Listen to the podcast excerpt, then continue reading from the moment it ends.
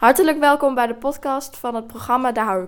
Het wekelijkse politieke radioprogramma over de politiek van Houten, waarin Houtense politici worden bevraagd door de redactie.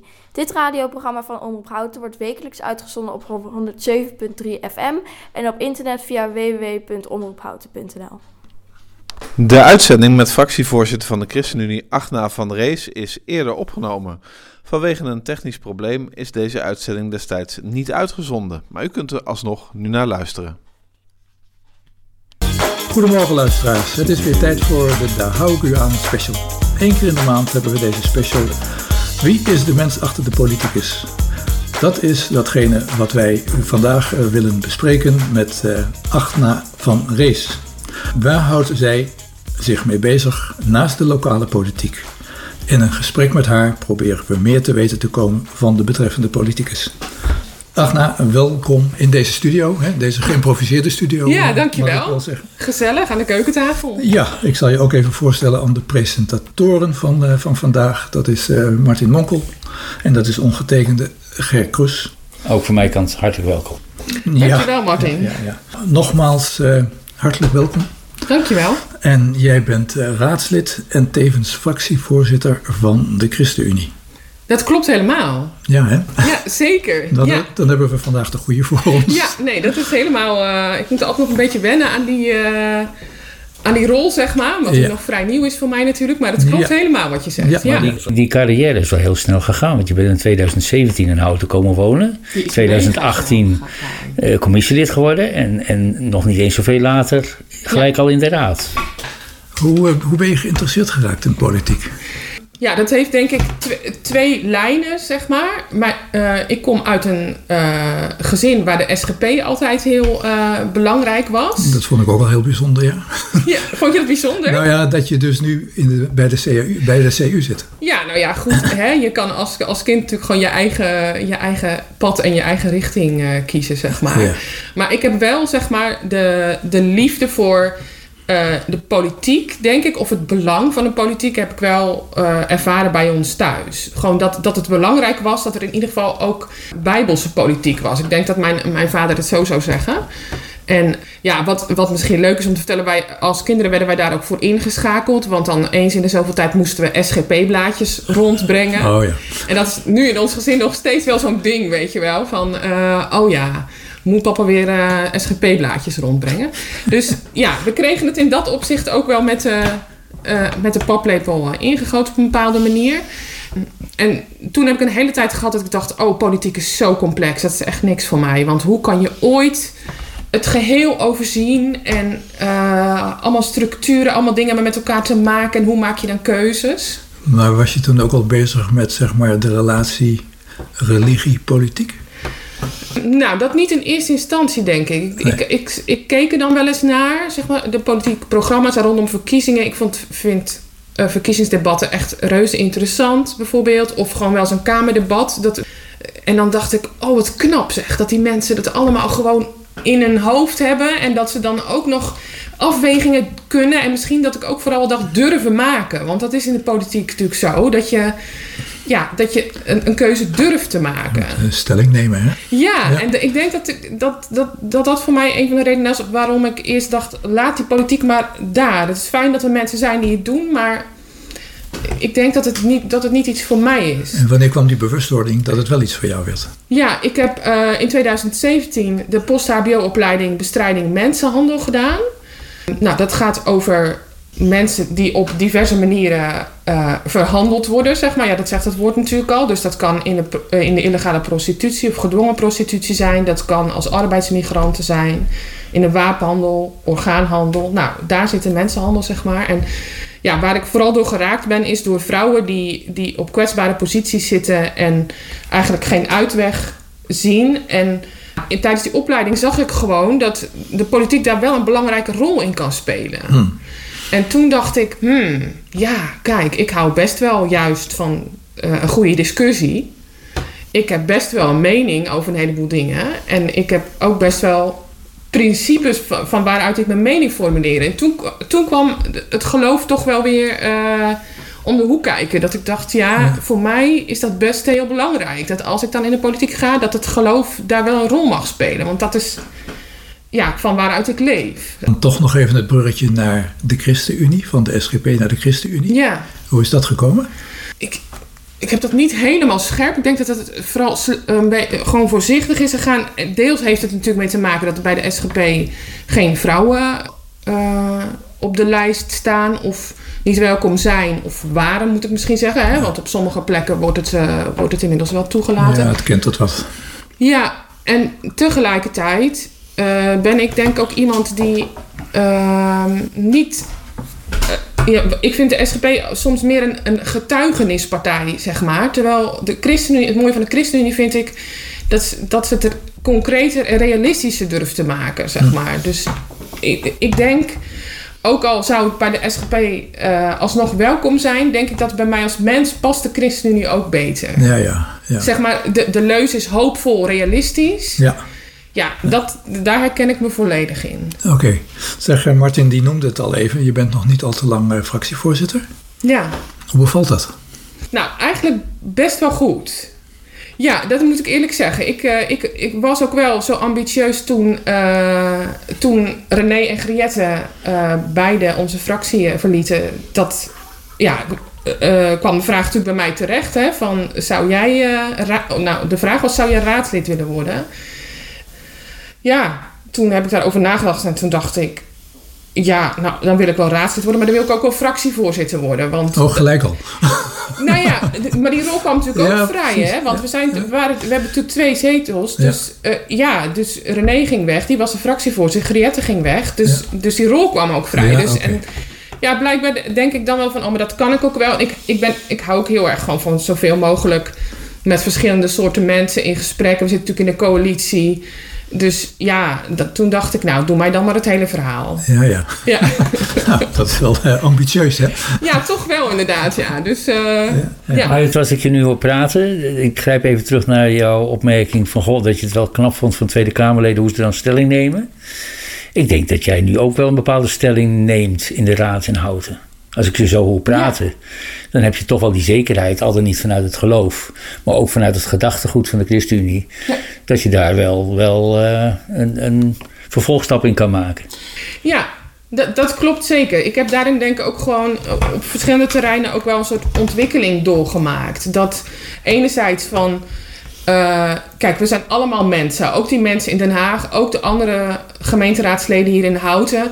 We zijn allemaal beperkt. Er is, er is niemand die het geheel overziet. Maar met de kennis en de kunde die we hebben, proberen we het zo goed mogelijk te doen. Dus ik denk dat ik daarin ook gewoon mezelf meer heb leren respecteren. Van nou, dit is waar je goed in bent. En er zijn ook dingen waar je anderen voor nodig hebt en dat is prima. Ja, dat, dat is wel gewoon een persoonlijke ontwikkeling. Die zit niet alleen in de politiek, maar ook gewoon wel breder in mijn Ja, leven, ja, denk ik. Ja. En wat zijn jouw eh, aandachtsgebieden die je hebt als fractievoorzitter? Ehm, nou, het sociaal domein heeft, eh, heeft wel echt mijn hart. Daar, eh, ja, daar word ik heel, heel warm van om me in te zetten voor de kwetsbaren in de samenleving, om het even zo samen te Ja. vatten. En ik vind het ook heel belangrijk dat we met elkaar goed blijven zoeken naar wie zijn de kwetsbaren echt eh, in Houten, zeg maar. We doen het natuurlijk over het algemeen vrij goed in Houten. Dat is wat je veel hoort, dat is waar. Maar dat moet ons niet... eh, eh, lui maken in de zin van we leunen een beetje achterover. We moeten blijven zoeken naar waar, waar zitten de kwetsbaren precies. Want die, het is niet altijd constant dezelfde groep. Soms verandert dat natuurlijk ook. Dus we moeten Ja. daarop blijven letten. En hoe doen jullie dat?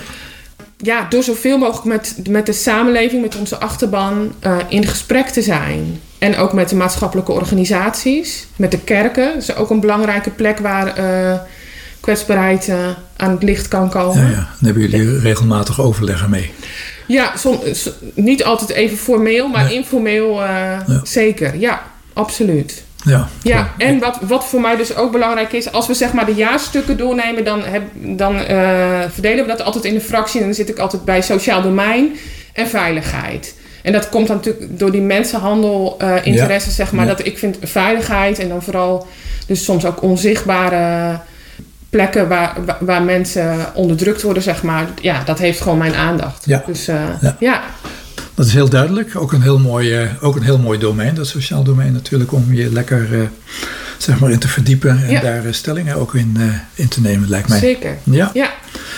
We hebben een aantal uh, onderwerpen van jou opgekregen. Ik vind het wel mooi zoals je dat zegt, opgekregen. Ja, opgekregen. dat klinkt als een soort huis. meestal, maken jullie... we, meestal maken we de agenda zelf en nu krijgen we opdrachten, opdrachten opgegeven. Ja, alsof ik jullie huiswerk heb gegeven. Zo klinkt het een beetje inderdaad. Ja, dat is. Dat heb je ook hoor, denk erom. In een zekere zin is dat ook wel zo natuurlijk. Ja, maar jullie hebben er ook om gevraagd. Ja, ja, precies. Ik heb, uh, ik heb er drie uitgekozen, want het was uh, ja, toch wel heel veel invalshoeken die je zou kunnen kiezen. Met, die komen misschien ook best wel aan de orde. De eerste is diversiteit.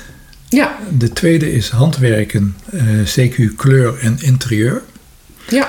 Ik zoek dan altijd ook naar die combinaties enzovoort, dus dat vind ik ook wel grappig. Ja. En de, de derde, dat is sabbat, rust en kwetsbaarheid. Nou, kwetsbaarheid heb je al een paar keer, dat woord heb je al een paar keer laten vallen. Ja. Dus dat is het laatste onderwerp wat we doen. Voordat we met het eerste onderwerp beginnen, diversiteit, zou ik eerst een plaatje. Sorry dat ik besta van Willem Nijholt. Dat was het, het liedje wat je gezocht hebt bij het onderwerp uh, diversiteit. Ja. Ik ben wel heel benieuwd eigenlijk waarom je dit nummer hebt uitgekozen in het kader van diversiteit. Ja, nou, wat ik zelf uh, ontzettend mooi vind aan het liedje is dat uh, Annie M.G. Schmid, want het is, uh, het is van haar, hè, de tekst. De, de tekst. Ja. Of Harry Banning, denk ik eigenlijk. Maar, nou, nou Banning heeft de muziek gemaakt en zij heeft de tekst gemaakt. Oké, okay. ja. uh, dankjewel. En dat zij eigenlijk heel goed omschrijft hoe ingewikkeld soms het kan zijn in een samenleving als mensen verschillend zijn. Want het liedje gaat natuurlijk over dat we het met elkaar gewend waren dat een man gaat met een vrouw en een vrouw met een man. En dat het in die tijd al nieuw was dat een man ook met een man kan gaan. Hè? Dus met Romeo en Julius. Vind ik ja. het dan ook echt geniaal gevonden, Romeo en Julius. zeg maar. Ja. ja, ja, zeker. En, en wat ik gewoon zo, zo mooi van haar vind... Zij is zo echt... Ik vind haar echt een taalkunstenaar. Dus ergens denk ik... Het is, het is een soort licht liedje. Want het, het, het, ergens voelt het ook best wel vrolijk. Maar ze, in de tekst geeft ze toch wel echt, echt het, het, het, de moeite aan van... Uh, mannen die op mannen vallen, ja, hoe, uh, waar kunnen zij uh, dat uitleven, zeg maar? Het, het, moet allemaal in, de, in het geheim. En dat, dat, dat, dat komt omdat de samenleving onbewust dat tegen hen zegt. Ja. En als je dan over diversiteit hebt, denk ik, ja, mensen zijn verschillend. Maar je ziet ook dat dat soms hele ingewikkelde situaties op kan leveren. Dat zegt het liedje, wat mij betreft. Ja, het is ook heel mooi dat Willem Nijholt het uh, zingt, hè? Ja, ja. zeker. Ja. ja. ik had nog liever die van Jeroen Willems gehad. Want het, zo ben ik er uh, op dit nummer gekomen, zeg maar. Maar die, die, die, kon ik op YouTube niet vinden. Dat kon je niet ik, vinden. ik ben wel fan van Jeroen Willems uh, eigenlijk. Ja, ja, dus, ja, ja. Nou ja, Willem Nijholt was natuurlijk in, ook homoseksueel. Ja. En toen was het natuurlijk allemaal nog niet zo geaccepteerd zoals het nu geaccepteerd is. Nee, inderdaad. Dus in en, die zin is het heel mooi dat hij dat ook op toneel bracht. Ja, ja. En, en dit gaat dan over homoseksualiteit. Maar je, nou ja, goed, je kunt het ook breder zien wat mij betreft. Hè, hoe een taboe in de samenleving kan werken, zeg Ja, maar. Dat, ja. uh, daar staat het liedje wat mij betreft uh, ja. voor. Je komt uit een uh, groot gezin. Dat klopt. Met uh, heel veel meiden en ook wel heel veel jongens. Hè? Het is een 9-5 was het geloof ik of zoiets. Ja, we zijn met negen meiden en vijf jongens. Dat klopt. Uh, hoe werd de diversiteit? Want ik neem aan dat je als je met, uh, dus met z'n zestiende bent in een gezin. Ja. Hoe werd de diversiteit beleefd in, in jullie gezin? En dan bedoel ik niet eens de, de, de diversiteit waar we het nu net over hadden. Nee. Maar überhaupt diversiteit. Ja, dus dat we, we waren wel met veertien, of we zijn met veertien, maar we zijn allemaal verschillend. Dat bedoel je denk ik, hè? Hoe Ja, we dat, dat- beleefden. ja. Ja, En hoe je daarmee omging. ja. Nou, dat is best een goede vraag. Ik denk dat, dat, nou, tot welke leeftijd dat precies was, weet ik niet. Maar dat ik heel lang gewoon eh, in, de, in de gedachte leefde van meisjes zijn meisjes en jongens zijn jongens. Ik denk, mijn ouders het zeker in het begin, dat ze dat ook zo, ons zo opgevoed hebben. Van meisjes hebben dat nodig en jongens hebben dat nodig. En, eh, ja, en dat, dat is het. En dat pas van lieverlee, zeg maar, kom je natuurlijk achter dat, dat wij niet allemaal hetzelfde zijn. Ook al zijn er negen meiden. Ehm, dat is toch verschillend. En kijk, ik ging bijvoorbeeld naar het VWO. En dat was voor mijn ouders ook iets wat zij zelf niet kenden. Mijn, mijn moeder eh, heeft op de huisartsschool gezeten, mijn vader op de landbouwschool. En ja, dus eh, mijn broer ging ook naar het VWO. En ja, dus dat was voor ons als kinderen, maar ook voor mijn ouders wel zoeken van hoe doe je dat eigenlijk, een kind met, eh, die naar het VWO gaat? Wat, wat heeft hij eigenlijk nodig, zeg maar? En dan, nou, dat was soms denk ik ook wel eens lastig dat we elkaar niet begrepen. En dat, dat we, en als kind weet je soms niet, wat heb je dan nodig? Je voelt wel van, nou, dit is het in ieder geval niet. Nee. Maar, eh, maar wat dan wel, zeg maar? En eh, ja, wat, wat wellicht heel veel andere mensen ook al hebben. Je hebt ook een daarna een periode van, nou, wij begrijpen elkaar gewoon niet. Dus dat je een zeker soort afstand neemt. En nu Maar dat was niet alleen naar je ouders toe, was ook naar je, zeg maar, naar je, de broertjes en zusjes Ja, toe. voor een deel wel, ja. Omdat je ook, tenminste, voor mij in ieder geval, eh, om te ontdekken wie ik zelf ben, wat ik leuk vind, wat ik, waar ik blij van word, waar ik verdrietig van word, had ik wel echt die afstand nodig. Ja. Om het te ontdekken. Omdat Werd dat geaccepteerd door je gezin waar je uitkomt? ik denk uiteindelijk wel, maar er zijn natuurlijk altijd momenten dat, hè, dat, dat, de een of de ander wel eens denkt van, eh, nou, eh Agna, moet het nou per se zo? Of, nee, nee, nee, precies. Ja. Ja, dus. En het mooie vind ik nu, zeg maar, dat ik. eh, Nu ben ik net 39 geworden en denk ik, oh ja, nu, nu ben. Nu. Nou, dat klinkt ook een beetje theatraal misschien, maar nu klopt het voor mijn gevoel best wel heel erg, zeg maar. Hoe, kijken ze, hoe kijken ze tegen jouw overstap naar de ChristenUnie? Nou, het, een groot gedeelte van, van mijn familie die eh, vindt dat helemaal geweldig, zeg maar. En, dat vind, dat, dat, eh, en die snappen dat ook heel goed. En ik denk dat zij zelf ook christen, een deel ook zelf ChristenUnie stemt. Oké, En ja, jij noemt het een overstap. Ik weet niet of dat een, of Nee, zeg maar een overstap was. Hè? Maar, want ik ben nooit bij de SGP eh, geweest. nee. En ik denk dat het voor mijn ouders wel lastig was in het begin. Ik heb de indruk nu niet zo heel erg meer. Oké. Ik wou even overgaan op een ander diversiteitsonderwerp. En Ja. Dat was, eh, we noemden het al, het, eh, jouw periode op Kanaleiland. Ja, Je hebt eh, gewerkt, zeg je, in een prachtige wijk. Met allemaal soorten mensen. Ja. Dat betekent sowieso al diversiteit natuurlijk. ja. Maar bedoel je daarmee dat de mensen de wijk kleuren? Of is, was de wijk gewoon prachtig qua architectuur of weet ik veel wat? Ah, zo. Nou, zo, toen ik het opschreef ging het mij echt om de mensen. Ja, Ja, ik vind echt mensen maken eh, voor mijzelf op de plek waar ik woon. Want ik, ik, nou, ik heb daar tien jaar gewoond. Eh, ja, daar zijn de mensen wel eh, heel belangrijk, zeg maar. Ook wel het groen, zeg maar. Want het kanaal is, is, is redelijk breed opgezet. Er is ook behoorlijk wat groen. We zitten bij het Amsterdam-Rijnkanaal, water en dergelijke. Maar ehm, ja, als het gaat over diversiteit, dan oh, kon ik echt genieten van over straat lopen en ja, gewoon ernaar kijken en ervaren van hoe reageert die meneer, hoe reageert die mevrouw, wat doen die kinderen. En Dat, dat is dus een individuele waarneming. Gewoon, je bent geïnteresseerd in mensen, in wat ze doen en wat ze beweegt. ja, zeker. Maar is Kanaaleiland ook een gemeenschap? Eh, nou, ik zou zeggen, er zijn in ieder geval verschillende gemeenschappen op Kanaleneiland. Want die diversiteit heeft ook als nadeel dat je dus met name vanuit niet-etnische Nederlanders verschillen krijgt. Ja, En die kunnen best heftig zijn natuurlijk. ja. nou zeker. En ehm, nou, ik, ik was daar de laatste zes jaar teamleider van een, een nieuwe kerk die we daar zijn begonnen. En eh, wat ook echt een zoektocht was. Hè, van, want op Kanaaleiland heb je iets van 75 eh, etniciteiten volgens mij. Dus nou ja, en wat, wat komt daar dan allemaal naar zo'n eh, zo'n nieuwe kerk? En, en hoe doe je dat dan samen? En da- daar zag je dat ook soms inderdaad. Ja. Ook als het gaat over geloofsbeleving, dat je elkaar niet altijd vindt. Dat, dat, eh, dat heeft te maken met hoe je opgevoed bent natuurlijk. Of uit wat voor traditie je komt. En voor de een is het ene eh, geloofsonderwerp veel belangrijker dan voor de ander. Dus daar kun je wel geven en nemen. En, eh, maar goed, ook op straat en zo natuurlijk. Hè, zag je gewoon soms dat het wel eens botste. Dat, eh, ehm, wat, wat gebeurt er dan als het botst? nou, dat is denk ik als. wat je op Kanaleiland heel erg hebt, is dat. nou, de niet-etnische Nederlanders. die. Eh, hebben een bepaalde manier van in het verkeer zich gedragen. Dat vind ik zo interessant. Zodra, nu nog, als zodra je Kanaleiland oprijdt, dan merk je dat, zeg maar. Dus er is. Als er een, een, een dame op de stoep staat die we oversteken, dan wordt er gerend. Maar heb je, om het maar even toch heel zwart weer te zeggen, een, een hele blanke Nederlander achter je, die, die, eh, die dat ziet gebeuren, die gaat dan toeteren. Want die heeft zoiets van: hallo, er is hier geen zebrapad. Eh, hoezo laat je deze mevrouw oversteken? Ja, ja. Maar dus dat, dus dat er werd heel veel getoeterd ook op kanalen. Laat ik het zo zeggen. Zeg maar. Dat was trouwens vice versa ook hoor. De, de niet-etnische Nederlanders hadden weer andere momenten waarop ze hun, hun eh, klakson gebruikten. Ja. Hey, hoe, hoe divers is Houten?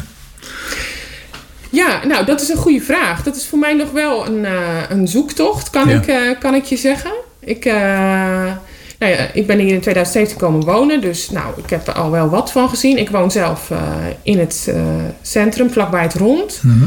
En eh, nou, ik heb wel het gevoel dat ik daar van alles, al, allerlei soorten mensen zie. En op sommige andere plekken in Houten denk ik, nou, hier wonen hele welgestelde mensen. En hoe verhoudt zich dat nou precies tot elkaar, zeg maar? En ehm, Dus niet of wel?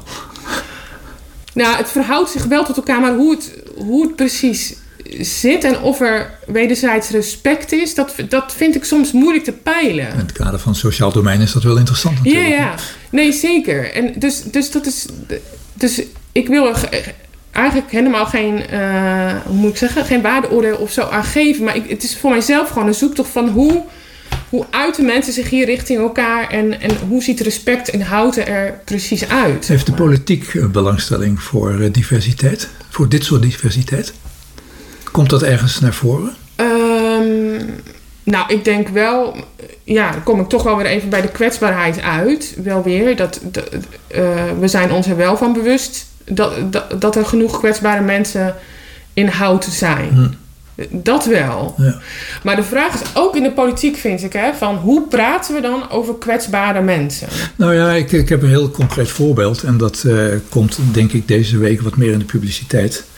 Dat het college heeft besloten om met de Heemlanden en Van Houten en Co. Ja. eh, Sportpunt Houten en eh, nog wat organisaties. Om zo'n regenboogzebrapad Ja, aan te leggen. zeker. Hoe vind je dat?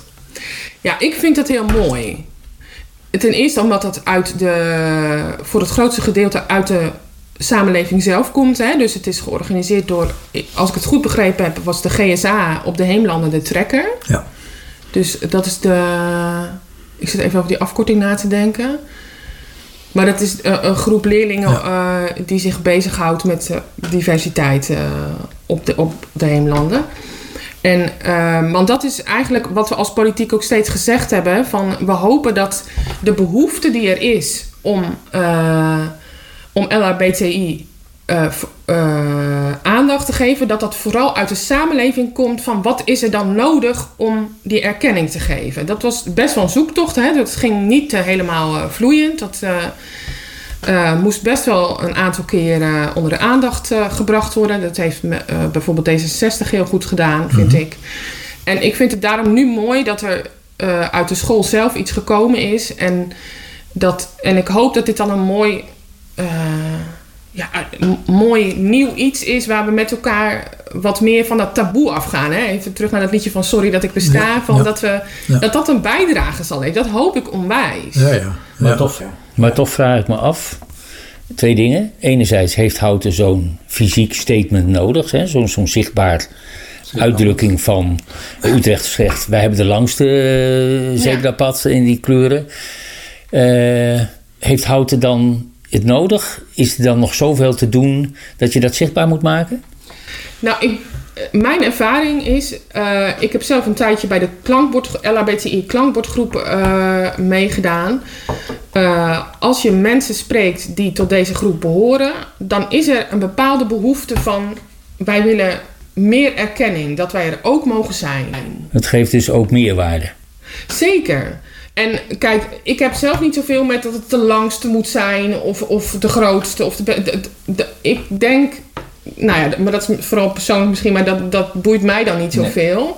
Ik denk dat het feit dat eh, de gemeente aangeeft dat ze bereid is, eh, als er zo'n vraag komt, van wij gaan alles in het werk stellen dat dat zebrapad er komt, dat het iets heel moois is.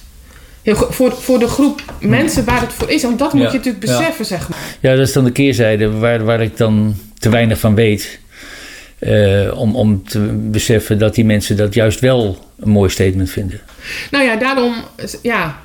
Zou ik ook iedereen op willen roepen van praat met deze mensen. Ja, dat klinkt een beetje, uh, voordat je het weet is het toch ook neerbuigend, zeg maar. Dat bedoel ik dan niet zo, maar uh, probeer in gesprek te zijn met, en vraag wat ze nodig hebben. En als, je, als je de gemeente daarvoor nodig hebt, meld je dan. Want uh, we, we, willen het graag weten, maar we willen wel iets doen wat, waar behoefte aan is, zeg maar. Ja, ja. duidelijk. We gaan over weer op een muziekje. Leuk. En dat muziekje is Testify to Love. Dat is een, uh, ontleend aan Psalm 151. All the Colors of the Rainbow van Wyona en The Judge. Dat klopt. Zeg ik dat goed? Volgens mij wel. Ja? Ik vind uh, die achternaam ook altijd lastig uit te spreken, maar je doet het heel goed volgens mij. Oké. Okay. Met Achna van Rees, fractievoorzitter van de ChristenUnie van de Raad in Houten. En we beginnen nu samen te praten. Althans, ik ga vragen stellen, want ik weet er helemaal niets van. Over een onderwerp waar ik het ook nog nooit over gehad heb. En dat, dat betreft dus handwerken. Ja. Kleur en interieur. Nou, kleur en interieur, dat valt er nog wel mee. Maar we beginnen maar eens met handwerken. Ja. Waarom dit onderwerp? Waarom wil je het hierover hebben? Jij maakt het programma. Ja. Terecht dat je dan zegt, daar wil ik het over hebben. Ja. Maar neem eens even mee. Ja, ja, dat snap ik, ja. Nou, dan, dan kan ik in ieder geval ook gelijk even zeggen dat ik het heel mooi vond dat Ger, toen jij, uh, toen wij even telefonisch contact hadden, dat je tegen mij zei van, uh, heb het vooral over de dingen die zin geven aan je leven. En ja, handwerken en kleur en interieur, ja, dat geeft gewoon zin aan mijn leven op, op allerlei verschillende soorten manieren. En enerzijds omdat uh, mijn uh, beide oma's, zeg maar, die handwerkten heel veel, maakten hele mooie dingen. Uh, vooral heel praktisch voor in huis. Dus kleedjes voor over de tafel, wandkleden aan de muur. En mijn moeder maakte heel veel van onze kleding zelf, bijvoorbeeld vond ik altijd mooi om te zien hoe dat allemaal in zijn werk ging. Ook die technieken en zo. En ik vond het zelf leuk om te doen. En nu nog, zeg maar, dan. Het helpt mij ook gewoon om mijn gedachten te ordenen, enerzijds. En dus als ik, als ik in zo'n fase zit, dan doe ik het liefst recht toe, recht aan, zeg maar. En, uh, en ik heb ook wel een creatieve kant. In de zin van dat ik gewoon graag zelf dingen wil maken. En op het moment probeer ik vooral dingen te maken die, nou, die iets zeggen over waar ik mee bezig ben in mijn leven. Of um, ja, die in de maatschappij spelen. Of nou, dat soort dingen. Dat ik probeer te bedenken van, oh ja, wat voor beeld past daarbij? En wat voor handwerktechniek kan ik daarvoor gebruiken Ja. om, om, da om me daarin te uiten. Dus Cultureel kan je dat natuurlijk op verschillende manieren invullen. Je had ook kunnen gaan schilderen bijvoorbeeld. zeker. Of gaan timmeren. Ja, had ook gekund. Of, of verzin het maar. Maar de, de bron ligt dus duidelijk bij, bij de oma's die dat Ja. deden. En daar heb je als kind het nodige van meegenomen. Ik denk het ja. En eh, zeker mijn ene oma, die was heel belangrijk voor mij. En het, eh, zij straalde daarmee voor mijn gevoel ook een bepaald soort rust en veiligheid uit. Als, als zij zat te handwerken. Ze was bij ons op een verjaardag of nou misschien dat ze ook wel eens op een gewone dag zonder reden kwam, weet ik niet meer. Maar en dan, nou, zij zat daar dan op haar, dat ene plekje in de kamer te handwerken. Dat gaf ook gewoon een rustig, vredig, veilig gevoel. Ja. Dus dat is ook de associatie die ik, die ik erbij kan hebben, ja. Ja, Ja. kan ik wel voorstellen. Ja. Ja, Dus, dus je, je breidt, mag ik het zo zeggen, de dingen aan elkaar. ja. Dat zou ook een politieke spin-off kunnen hebben. Want je hebt ook een aantal boeken opgegeven die je hebt gelezen. Ja. En een daarvan is van eh, Napoleoni. En eh, die laat zien hoe de breikunst de mens helpt te overleven en verbindt naar een sociaal-economisch en politieke veranderende wereld wijd. Ja, Dat moet je eens even uitleggen. Hoe kan dat breien in die zin te maken hebben met politiek? ja nou, nou, wat Napoleoni heel mooi doet in haar boek eh, De kracht van het breien... is uitleggen hoe bepaalde dingen die vrouwen vroeger gebreid hebben... eigenlijk een uiting waren van de, van de politieke situatie op dat moment. Dus bepa- bepaalde mutsen die er dan gebreid werden... die ziet zij als een uiting van... eh, verzet tegen het heersende regime bijvoorbeeld. Zij De muts van Marianne in, eh, in Frankrijk. Bijvoorbeeld, dat is, een- dat is een goede. En, en dat. eh, ehm, ja, er zijn ook heel veel vrouwen geweest die met vaandels bijvoorbeeld. eh, je kan natuurlijk gewoon op een, eh, een oud hoeslaken met een zwarte stift iets eh, schrijven. Maar er zijn ook vr- vrouwen geweest die op hele mooie artistieke manieren vaandels hebben gemaakt. Om, om daarmee teksten richting de heersende macht te uiten, zeg maar. Heeft dat te maken met dat de vrouw vroeger geen positie had?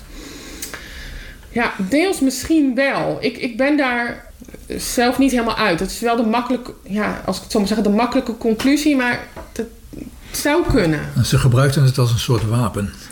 Ja, nou, Is dat zo? ja, in ieder geval ook om hun stem te laten horen. Ja, zeker. Ja. Ja, en dat, en dat vind ik. Kijk, ik ben ook altijd op zoek naar mooie verhalen. En eh, daarom denk ik dat ik hier ook zo op aansla, zeg maar. Dat, dat, dat, dat je het juist kunt verbinden, zeg maar, politiek en handwerken. Ja. Dat, dat vind, ik, vind ik gewoon mooi dat dat, dat, dat, dat, dat dat kan. Zeg maar, dat politiek niet iets aparts is en handwerken niet iets aparts. Maar je kunt het gewoon met elkaar verbinden. Ja. Ik krijg een heel andere associatie. Ik bedoel, breien, hè? dus ook politiek die breidt maar door, die breidt maar door. Dus mijn associatie lag gelijk met polderen. Polderen, ja. Nou, maar ergens... Kijk, Maar, maar een breiwerk heeft ergens een einde. Een polder heb ik het gevoel gaat allemaal door. Continu. Nou, Nou ja, nee, natuurlijk. Nou, je zou misschien kunnen zeggen als er een coalitieakkoord is. Dat, dat, dat, dat, dat, we, dat je dan allerlei verschillende kleuren in elkaar gebreid hebt. Ja. Dat het een prachtig, eh, ja, of een lelijk dus, hè, maar een breiwerk is geworden en dat, en dat je het dan afhecht. Ja, ja. Misschien zou je kunnen zeggen dat, dat elke coalitie een, een eigen Breiwerk. breiwerk je heeft. kan er wel een heel mooi symbool van maken. Nou, maar ja. daarom. En het is nog heel creatief ook, hè? Ja, Ja. nou, maar ik zal je zeggen, dus soms als ik, dat, als ik de, ze zit te handwerken om mijn gedachten te ordenen, dan werkt dat ook zo. Dan, dan, dan nou, de steken, eh, weer een nieuwe steek en nou, doe ik hier nou een nieuwe kleur of toch niet? En dat, dat doe ik soms ook als ik een stuk gelezen heb voor de raad. Ja. Dan denk ik, nou, dan moet ik even over, over pijnzen, hè, van wat vind ik ervan en, en waar, zit, eh, waar zitten onze vragen? Nou, dat, en dat, Ja. dat helpt. Kijk, ik, ik weet van het onderwerp heel weinig af. Dus ik Ja. heb gewoon zitten googlen en dan kom ik bij handwerk onder andere tegen een aantal begrippen. Het is helemaal zen. Het houdt je van de straat. Je bent verantwoord bezig. De mooiste creaties maak je zelf. Je blijft jong en fit. En het geeft zelfvertrouwen. Ja. Heel mooi. Nou, de oplossing voor de huidige problematiek in de, in de samenleving, Ja. Martin. Maar, maar het- als tegenhanger kom ik dan tegen eh, de feministische handwerkpartij. Die hebben een manifest uitgebracht en vrij vertaald in het Nederlands staat er dan... we willen de verstoorde relatie met onze directe omgeving herstellen... Ja. evenals de beschadigde wereld als geheel. Ja, maar Dat lijkt me nogal een opgave. Dan denk ik van eh, verander de wereld en begin bij jezelf. Ja, maar dat is natuurlijk wat zij ook doen, hè, de feministische handwerkpartij. eens uit. Ja. ja, nou, z- zij eh, zetten, en dat heette dan ook naaikransjes op. En Oh, oké. in, in die naaikrans doen, ze- doen ze dan een combinatie van een reparatietechniek leren en er is een spreker aanwezig. En die spreker heeft het dan over een eh, maatschappelijk probleem, zal ik maar zeggen. En door, die, en door dat te combineren met die reparatietechniek, proberen ze met elkaar ideeën te ontwikkelen over hoe de problemen in de maatschappij opgelost kunnen worden. Dus erg, jij, jij zei Martin dat, het, dat je het ziet als een tegenstelling, de feministische handwerkpartij en zen worden. Maar ergens denk ik, ja, misschien zou je ook kunnen zeggen dat de feministische handwerkpartij een, een route is naar. eh, ik, ik, ik, ik ken het begrip niet, maar ik kreeg opeens iets van, van... is dat hetzelfde als de Tea Party bijvoorbeeld? de Tea Party, dat ken ik denk ik. Uit, uit Amerika. Dus ook zo'n zo'n beweging. Ultra rechts. Ja. Ja, nou, ik.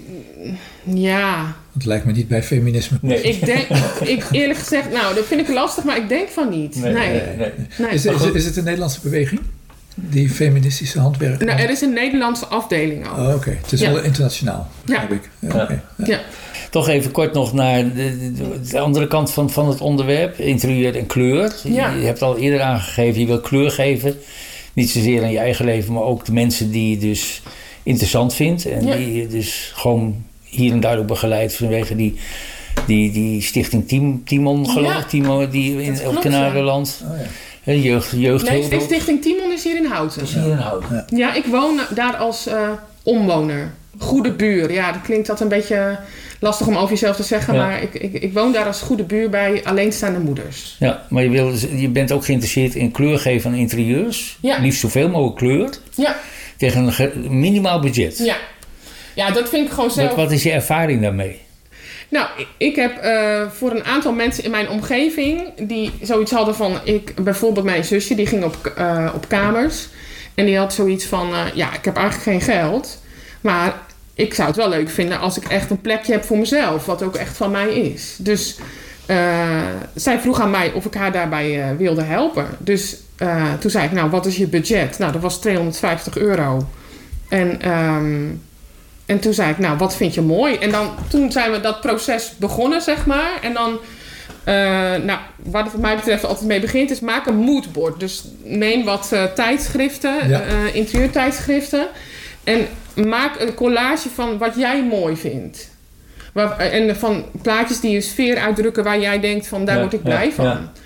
Nou, dat had zij bijvoorbeeld gedaan. En dan vervolgens eh, ging ik met twee andere zussen... Ging, eh, eh, gingen we op Marktplaats allemaal dingen zoeken die, daar die daarbij pasten. Want ze had dus niks toen ze op kamers ging. Dus nou, alles moest nog komen. En, nou, en hoe komen we aan, aan verf? En ja, wie, wie gaat het dan allemaal... want je wilt natuurlijk ook dingen ophangen. En nou, hadden we een oom van ons gevraagd om, om, om dat te doen. En nou, een zwager die ging spullen ophalen bij mensen. Dus toen werd het ook gewoon zo'n heel mooi projectje. Ook van, van ons als familie, zeg maar. En ja, mijn zusje, toen het klaar was, toen was mijn zusje helemaal soort Leuk. eh, sprakeloos van... Oh, mega, dat je, dat je het zo goed hebt... middelen dus. Ja, en dat je het ook zo goed hebt kunnen vangen, zeg maar. Ja, dan, ja, word ik, dan ben ik echt helemaal blij. Dan eh, denk ik van, oh wauw, dat je gewoon iets maakt wat echt bij iemand past. Dus. Niet dat ik daar mijn eigen stijl zo, dan zo, zo nodig... Dat, dat vind ik dan helemaal niet interessant. Ik denk vooral van wie ben jij en waar voel jij je prettig? Ja, Ja, moet dan, slotvraag. moet dan wel die dialoog, je moet dan wel die dialoog aangaan met de persoon, hè? Zeker, Ja. ja. Slot, slotvraag bij dit onderwerp. Als je er eh, raad in houdt, de politiek in houdt, een kleur zou moeten geven, welke is dat dan? Oh, grut. Eh hmm, goeie vraag. Ik Ja, je kan er niet te lang over nadenken, want we hebben maar beperkte uitzendtijd Ja, natuurlijk. dat is, dat is wel waar, inderdaad. Nou, dan kies ik gewoon voor groen. Maar ik, eh, ik weet niet of ik daar dan echt een hele duidelijke reden voor heb. Dat is meer mijn onderbuikgevoel Nee, maar, Gevoel nee, maar, maar je, je bent toch, voor zover ik nu weet, gevoelsmens die het gewoon intuïtief op dingen afgaat. Dan wordt er hout, raad en hout wordt dus groen binnenkort. Ja, oké. Nou, hartstikke mooi. Zonder de politieke context. Hè? Ja, ja, En wat wel mooi is in het kader van groen, dat is Ja. dansen in de regen, want de regen zorgt weer dat alles groen is. nou, dat vind ik echt een heel mooi bruggetje. En dat is een, eh, ja, dat is een nummer van een Houtense band, de band Lef. Nou, dat was een mooi nummer, Dansen in de regen, Zeker. van eh, Lef. Ik, wat ik al zei, het is een eh, Houtense band. Ja. Ken jij die band? Eh, ja. Ik, ehm, ja, wat, wat is kennen? Ik, ik luister graag naar hun muziek, ook al voordat ik in Houten kwam wonen. En ik ken hen van eh New Wine. Dat is een, een beweging eh, van christenen die eh, nou, onder andere in de zomervakantie een weekje gaat kamperen. In Biddinghuizen was dat altijd, tegenwoordig in Liemde. En nou, dat is een combinatie van kamperen en bezig zijn met je geloof. En, eh, nou, de, en de band Lef, die, eh, die zong daar ook eh, regelmatig. Dus daar heb ik, heb ik ze leren kennen, zeker. Nou. Ja. Nou, dat is hartstikke mooi. ja, Nou, we spreken met, met Agna van Rees, fractievoorzitter van de ChristenUnie. Ehm, het laatste onderwerp, Agna, ja, ehm, dat gaat over sabbat, rust en kwetsbaarheid. Ja. Dat zijn heel veel invalshoeken. Ik ben benieuwd welke je gekozen hebt. nou, eh, een beetje er doorheen. Want eh, jij hebt onder andere gezegd dat je een, eh, nou ja, zeg maar een zoektocht ook door je leven hebt gemaakt met betrekking tot de onderwerpen die je gekozen hebt. Ja, Waar autorijden trouwens ook een heel belangrijk onderwerp van ja zeker. Zonder autorijden ben ik Dat nergens. vond ik wel mooi. Ja. En dat, dat, toen dacht ik van rust en autorijden. Van, eh, wat is daar de combinatie van? Kan je er iets over ja. vertellen? Oh, dat vind ik een, een leuke vraag. Want ik dacht net al van, oh, we gaan het niet over autorijden. Maar dan kan ik er toch wel iets over zeggen. ja, nou ja, voor mij is autorijden... eh, vooral als ik het in mijn eentje doe... dat is gewoon een, een ultiem gevoel van vrijheid. Van eh, onderweg zijn, van, van A naar B, zal ik maar zeggen... En eh, hopen dat je op een mooie plek of op een mooi verhaal stuit ondertussen. Dat, dat, dat vind ik een van de mooie dingen van autorijden. Wat ik ook heel leuk vind is gewoon, eh, nou of gewoon, maar eh, kaart lezen en, en de weg opzoeken, zeg maar. Dat heb ik van mijn vader geleerd. Die, die is vrachtwagenchauffeur en als klein meisje uh, mochten we mocht ik zo nu en dan mee. En mijn vader wist precies de weg, maar dan gaf hij de kaart aan mij. En dan zei hij van, nou, zeg maar hoe ik moet rijden. En hij hield het allemaal in de gaten of het goed of niet, uh, niet goed ging, zeg maar. Maar dat vond, vond ik echt geniaal. En...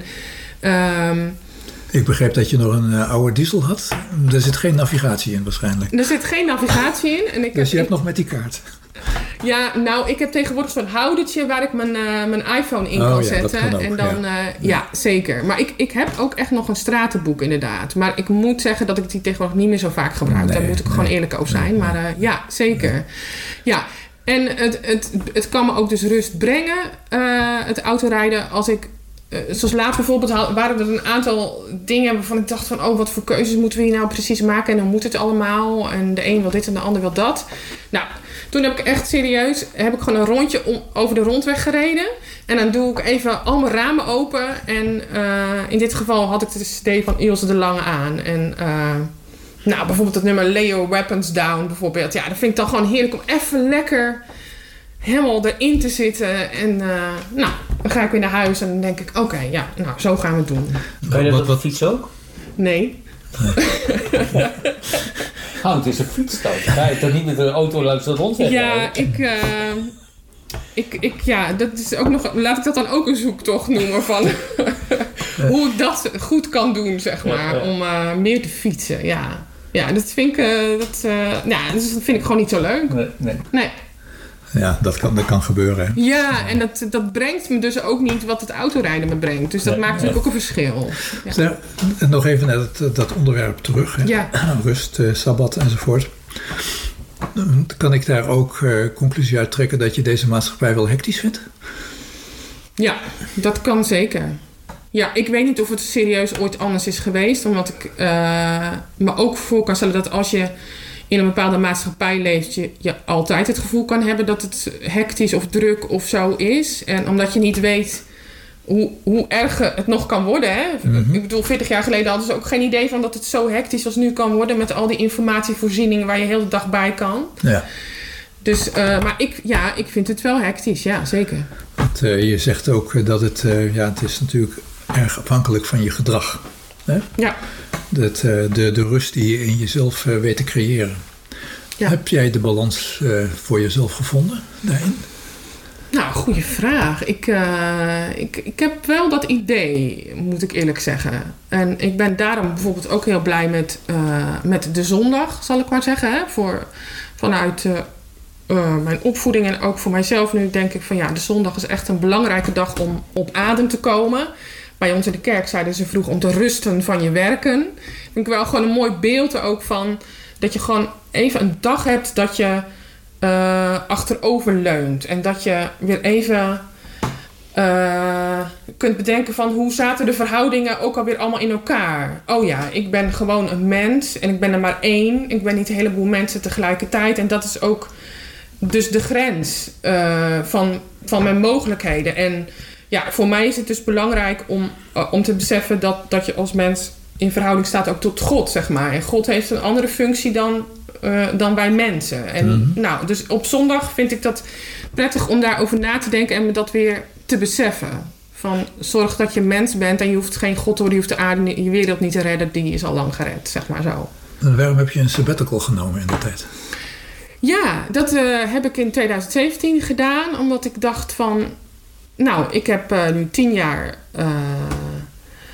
uh, op dezelfde plek gewerkt. Ik heb zes jaar lang mijn bijdrage geleverd aan, aan die nieuwe kerk op Kanaleneiland. En het voelde als, nou, dat, dat kan afgerond worden, maar, maar wat what's next? En toen dacht ik, nou, dan is een sabbatical een mooi iets om sowieso om even niet die verplichting te hebben van werken. Want als je natuurlijk ergens werkt, dan, tenminste, ik heb dat heel erg. Ik voel me heel erg uh, verplicht om me dan zo goed mogelijk in te zetten. En, en heel loyaal en zo hard mogelijk te werken vind ik ook heel lekker.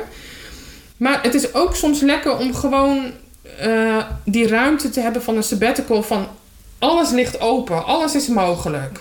Maar ga op onderzoek uit naar wat er nu ja, op je pad komt, wat er nu eh, voor je ligt. Dat, eh, en ik, ik heb wel zoiets van, nou, ik denk dat ik dat wel vaker ga doen. In de Bijbel eh, was het idee van een sabbatsjaar om de zeven jaar. Hè? Dus ik weet niet Ja. of ik dat ritme precies Nee. ga doen. Maar het, het idee, denk ik dat het heel, ja, heel goed zou zijn voor heel veel mensen. Ja, nou, we hebben natuurlijk een heftige periode rond, met corona, corona achter de rug. Ja, Ehm, ik weet nog wel, een jaar geleden, toen was iedereen eh, bereid om heel veel eh, dingen eh, te laten. Hè? Ja. Het ging, nou ja, het vliegverkeer dat nam terug, het autorijden nam terug, thuis, de wet thuisgewerkt enzovoort, een heleboel goede voornemens. Nou ja, je ziet nu dat er weer wat meer vrijheid komt en dat het precies weer naar het oude normaal gaat. ja. Vind jij dat ook? Ik zie het gebeuren, ja. Ja. Ik, ik zie het gebeuren en ik zie ook bij heel veel mensen dat ze, dat ze ontzettend die behoefte hebben. En ik denk dat het oude normaal voelt een soort heel veilig. Zo van, zo doen we dat hier met z'n allen. Maar ook heel kwetsbaar. Want daar wil ik eigenlijk een beetje op inzoomen. Ik bedoel, als je alleen al kijkt naar klimaatverandering, wat door die Ja. levenswijze gebeurt. Ja, nou, dat klopt. En toch heb ik sterk de indruk dat bij heel veel mensen klimaat eh, niet bovenaan staat. Gewoon het gevoel van ik wil kunnen doen waar ik zin in heb. Volgens mij is dat de- voor heel veel mensen het belangrijkste. Omdat dat ook heel veel veiligheid en zekerheid geeft, blijkbaar. Die indruk krijg ik tenminste. Want anders Hoe geldt dat voor jezelf? zo'n sabbatical is een goed voorbeeld ervan. Dat je, eh, dat ik wil eh, de mogelijkheid blijven hebben om, om te kunnen loslaten, zeg maar. Om, om te kunnen zeggen van, nou, de- tot hier, zeg maar. Ik heb hier nu tien jaar gewerkt en eh, nu stopt het bijvoorbeeld. Of ik heb eh, zes jaar op Kanaaleiland gewerkt en dan, dan stopt het. En eh, ja, en toen was daar vorig jaar ineens, zeg maar, de constatering dat ik borstkanker had. Ja. Nou, dan heb je ook ineens een moment dat, dat de vraag is van... oké, waar zijn mijn grenzen dan nu, zeg maar? Hè? Want dat is een hele nieuwe... Of wat, waar liggen mijn mogelijkheden nog? Ja, dat kan ook. Maar ik denk wel serieus... en, en dat heeft misschien wel met onze tijd te maken... Dat het, dat het echt belangrijk is om je grenzen te weten. Ja. Omdat ik sterk de indruk heb dat heel veel mensen steeds maar weer na willen denken over mogelijkheden, positief, optimistisch. En dan, ik denk als dat het enige is, dat je dan te snel over grenzen heen kan gaan. Terwijl ik denk van, als ik zeg van, ik kan maar één intensief ding op een dag. Want dat, dat is nu de situatie, zeg maar. Dus zoals dit, dat kan ik dan vandaag doen, dit interview met jullie. En dan moet ik de rest van de dag gewoon rustig thuis of in mijn eigen tuin. Dat kan. En verder niet.